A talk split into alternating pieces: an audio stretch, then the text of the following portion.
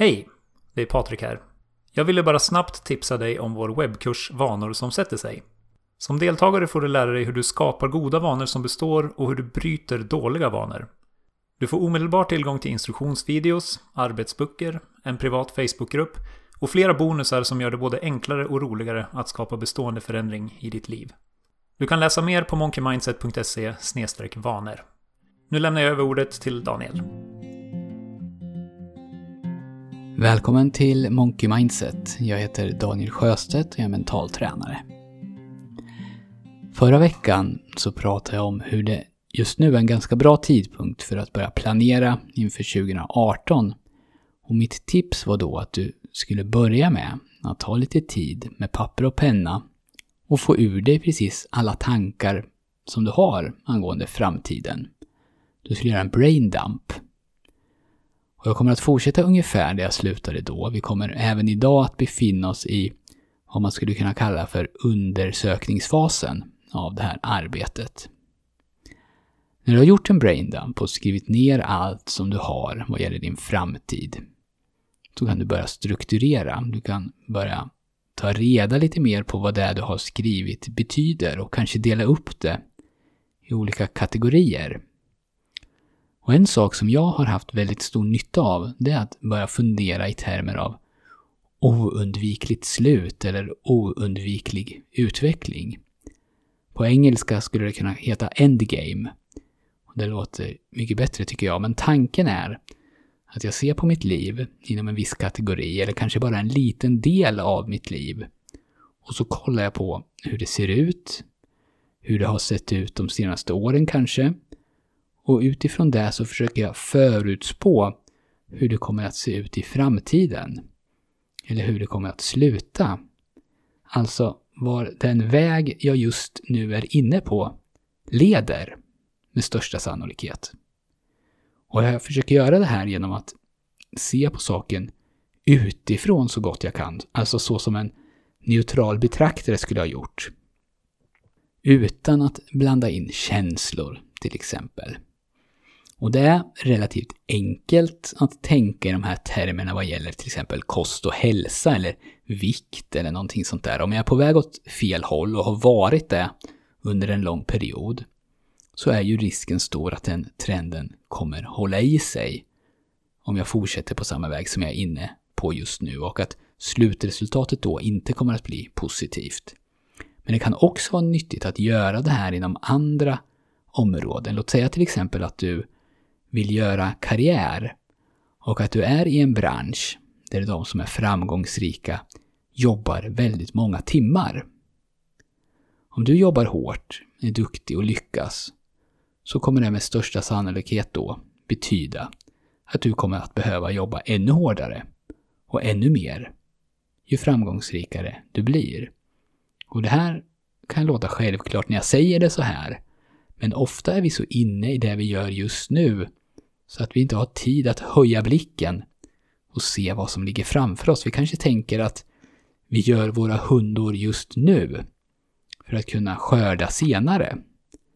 Och i fallet med arbetstimmar och karriär i den här specifika branschen så kommer du säkert att kunna skörda i form av till exempel hög lön, eller resor, eller större projekt och mer ansvar. Men troligen inte i form av mer fritid. Inom andra branscher kan det vara precis tvärtom.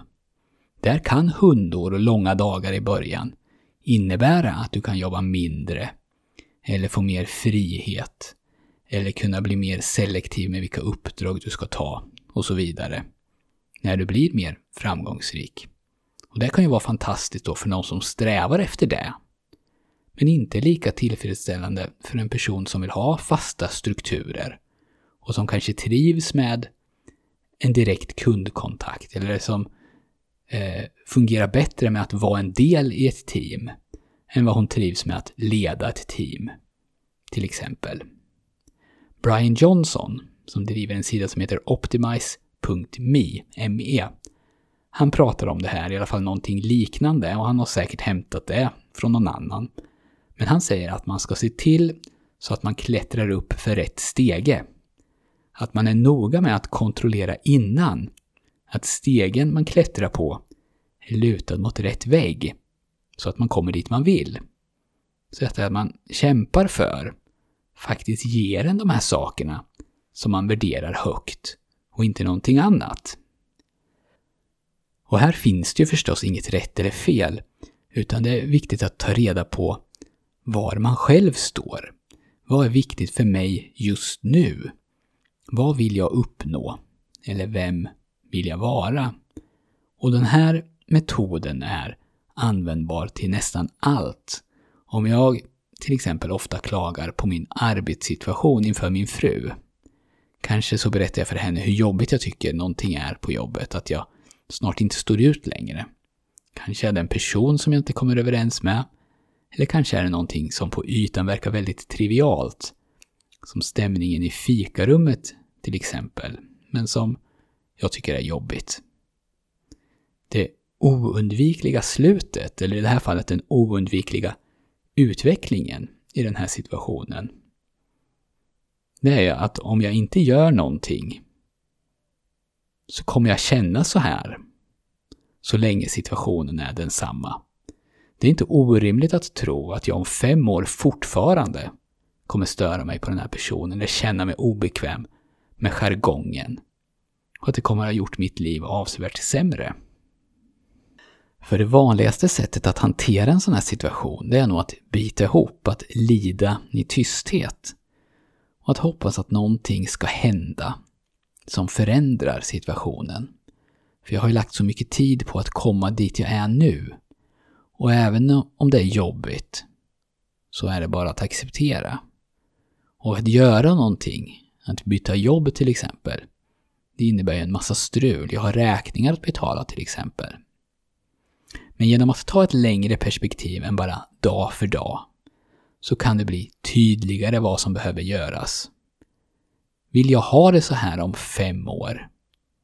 Vill jag ha det så här om tio år och då veta att jag har tio likadana år framför mig?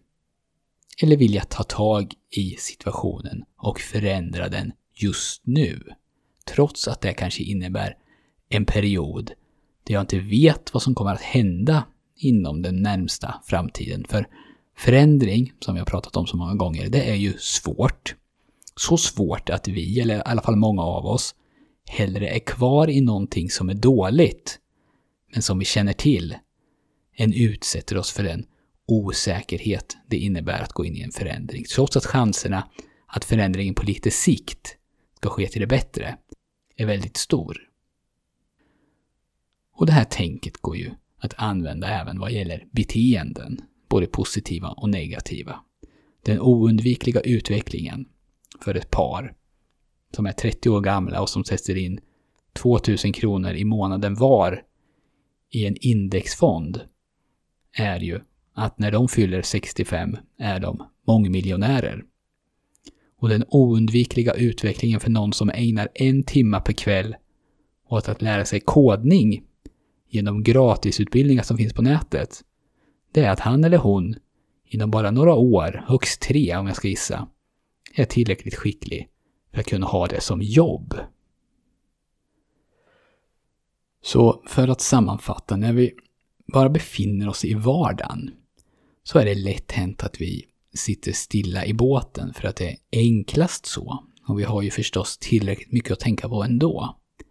Men om vi kan ta ett lite mer långsiktigt perspektiv så blir det ofta tydligt dels hur små, regelbundna, positiva handlingar kan leda till fantastiska saker på lite sikt. Men också hur de här sakerna som nu kanske bara ligger och gnager, som du inte vill tänka på, utan som du ska ta tag i någon gång i framtiden, vid ett ospecificerat datum, faktiskt blir ditt liv om du inte gör någonting åt dem. Om du inte kan se din nuvarande partner som far till dina framtida barn och samtidigt väldigt gärna vill ha barn så snart som möjligt, så går det inte ihop. Om du inte aktivt gör någonting för att förändra den situationen, om du inte börjar klättra på en annan stege än den du klättrar på just nu, så finns det ett par möjliga oundvikliga utvecklingar, som du säkert själv kan se vilka de är. Att du inte ens vill tänka på det, eller ta tag i det, just nu, betyder ju inte att verkligheten sätts på paus. Och med det här sista väldigt drastiska exemplet så vill jag säga att det här kan vara svåra saker, jättesvåra. Och mitt syfte med det här, de här poddarna, det är inte att du ska få panik och börja tycka att massor i ditt liv måste förändras radikalt precis just nu.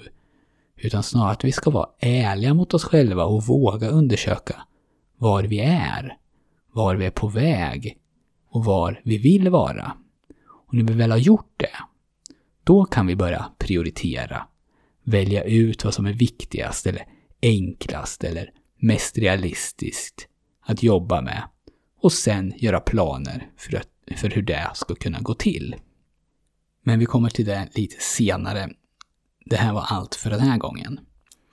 Om du är nyfiken på mental träning och annat som vi gör så kan du gå med i våra fria medlemssidor. Då får du tillgång till bland annat ett mentalt träningsprogram. Du får extra material från poddarna. Och du får artiklar och tips och en hel del annat. Gå då in på monkeymindset.se och signa upp därifrån. Tack för att du har lyssnat och jag hoppas att vi hörs snart igen.